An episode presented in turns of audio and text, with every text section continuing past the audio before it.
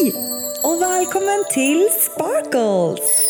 I den här podden kommer jag försöka att få din dag att glittra lite mer. Och kom ihåg att följ don'twaste.life på Instagram. Nu åker vi! Self-love del 2 Bli medveten. Hejsan och välkommen till veckans Sparkles! Hoppas att du har haft en härlig helg och att du är taggad på en ny vecka. Har du hunnit med någon check-in med dig själv under förra veckan? Hoppas i alla fall att du har fått till någon gång. Och om inte så försök igen den här veckan. Ge dig själv lite härlig tid med dig själv. Det här avsnittet är ju en fortsättning från förra veckans avsnitt i temat Self-Love. Förra veckans avsnitt pratade vi om att sluta pressa sig själv, att det är viktigare att ta små, små, små steg istället för att ta för stora kliv från början och typ trust the process istället för att stressa fram resultat. Och idag går vi vidare och fortsätter att prata om self-love och självkänsla. Jag har fått några frågor från förra avsnittet som handlar om eh, men hur vet jag om jag har en starkare eller svagare självkänsla? Så jag tänkte bara dra några exempel. Om du har en svag självkänsla så kan det till exempel se ut så här. Du bryr dig mycket om vad andra säger och vad, vad andra tycker om dig. Du tycker inte att du är värd tillräckligt mycket. Du tror att andra är bättre än du. Du gör saker som inte är bra för dig. Du tror inte att andra gillar dig. Du blir jätteledsen om du misslyckas med något. Du kan lätt känna dig svartsjuk eller avundsjuk på andra. Du är kritisk eller taskig mot andra för att dölja din osäkerhet. Du kanske skryter om dig själv eller försöker att alltid vara superduktig. Och om du istället då har en stark självkänsla så påverkas du inte så mycket av vad andra säger eller tänker. Du känner dig okej okay, även om allt inte blir bra eller som du hade tänkt dig. Du kan göra bort dig ibland och skratta åt det. Du accepterar att alla kanske inte gillar dig. Du känner att du har rätt att säga både ja och nej till saker. Du kan be om hjälp när du behöver det. Du känner att du är värd att må bra och göra saker som får dig att må bra. Du törs prova nya saker och du vågar att misslyckas. Du känner att du kan vara den du är, se ut som du vill och tycka vad du vill. Så det var lite kort om hur man kan se om man har en svagare eller en starkare självkänsla. Och för att kunna lyssna på de här påståendena och se vart du själv ligger någonstans så kommer vi in på det jag har tänkt prata om idag. Något som jag tjatar och pratar om ofta. Att bli medveten. Medvetenhet är första steget till förändring. Jag själv, när jag ser tillbaka på mitt liv, har haft en svag självkänsla jag har ofta känt att jag behöver prestera, känt mig dålig när jag har misslyckats med något, brytt mig jättemycket om vad andra tycker och tänker och har känt att alla andra är så mycket bättre än vad jag är och så vidare. Idag kan jag säga att jag har en mycket starkare självkänsla. Kanske absolut inte varje dag, det kan gå lite upp och ner, men min självkänsla är oftast mer stark än svag. Den är på en jämn högre nivå.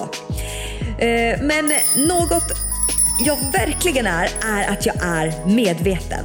Att bli medveten har hjälpt mig så himla mycket och det är ett supertips som jag vill ge till dig. Och det kan kanske låta enkelt men ibland är det svårt att vara medveten. Men det händer något stort och värdefullt när du börjar leva ditt liv medvetet istället för att låta det gå på autopilot. När du aktivt börjar utforska och ransaka dina tankar och beteendemönster så skapar du en större medvetenhet som i sin tur kommer att leda till en massa svar på olika frågor. Du kommer öka din förståelse och det kommer hjälpa dig i din personliga utveckling. Så mitt första tips är Skriv ner dina tankar om dig själv. Observera, bli medveten och utforska dig själv. Du måste bli mer intresserad på, eller om, vad du har för tankar och känslor om dig själv. Så skriv ner dina tankar om dig själv och börja också lyssna till den lilla rösten inne i ditt huvud. Vad säger du till dig själv? Skriv ner det också. De sakerna du skriver ner är nycklar som du kan använda dig av för att förstå varför du har vissa tankar och känslor om dig själv. Låt säga att du skriver ner “ingen vill ha mig” eller “jag är inte bra på något”. Vad kan det vara som har fått dig att känna så här? Och vad kan din svaga självkänsla bero på? Det kan ju såklart bero på en massa olika saker och omständigheter. Din självkänsla kan bland annat blivit påverkad mm, om, om du inte har blivit uppskattad eller inte blivit sedd eller respekterad för den du är. Eller så kanske du bara fått uppskattning när du har gjort något bra och inte annars. Så då kanske du tror att du bara duger när du gör något bra. Vad det än är, så försök bli medveten om varför din självkänsla är svagare.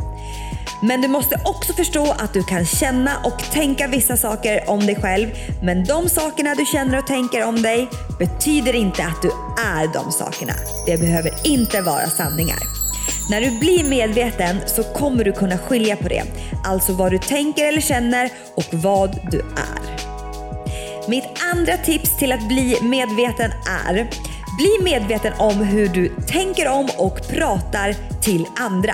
För ofta när du stör dig på människor runt dig, till exempel vänner eller familj, arbetskamrater, vad det kan vara, och pekar ett finger mot dem så pekar du egentligen på något hos dig själv som du kanske inte är så nöjd med. Något du själv behöver jobba på eller kanske är rädd för. Det ligger ofta mer hos dig själv än hos någon annan. Men det är såklart att se, eller svårt att se om man inte aktivt jobbar med att vara medveten om sina beteenden. Och tips nummer tre. Våga. När man jobbar med sin självkänsla eller self-love så handlar det mycket om att våga. Våga känna alla sina känslor, både de fina och härliga känslorna och de jobbiga och skämmiga kanske. Alla känslor är okej okay och de finns ju där även om du inte vågar känna dem fullt ut eller inte. När du vågar känna alla dina känslor så har du tagit ett stort steg till att se och bli medveten om vad som håller dig tillbaka. Håller dig tillbaka från att känna villkorslös kärlek till dig själv. Våga också stå upp för dig själv. Våga ta plats. Våga bli kritiserad och våga sätta gränser. Ställ dig frågan, står du upp för dina åsikter, din sanning? Om man inte känner kärlek till sig själv så kan det vara så lätt att gå med på saker som inte känns rätt i hjärtat och typ tänka äh, det gör väl inget, jag gör väl det här nu. Men jo, det gör det. Våga stå upp för dig själv. Våga skapa lite dålig stämning. Det är så värt det efteråt, även om det är skitläskigt och kanske hemskt första gången du gör det, så kommer det att bli lättare och lättare. För det kan vara så jobbigt att hela tiden tysta sig själv för att man kanske inte tror att det spelar någon roll om du säger vad du tycker eller känner, men det gör det. Det handlar inte bara om just den åsikten utan när du trycker undan den så trycker du undan dig själv också. Och varje gång du trycker undan dig själv så ger ju du dig själv motsatsen av self-love. Så mina tre tips för self-love. 1. Skriv ner dina tankar och känslor om dig själv. Bli mer medveten och observera vad du matar dig själv med. Nummer två, bli medveten om vad du stör dig på hos andra. Det kan vara en ledtråd in till dig själv. Och nummer tre, våga.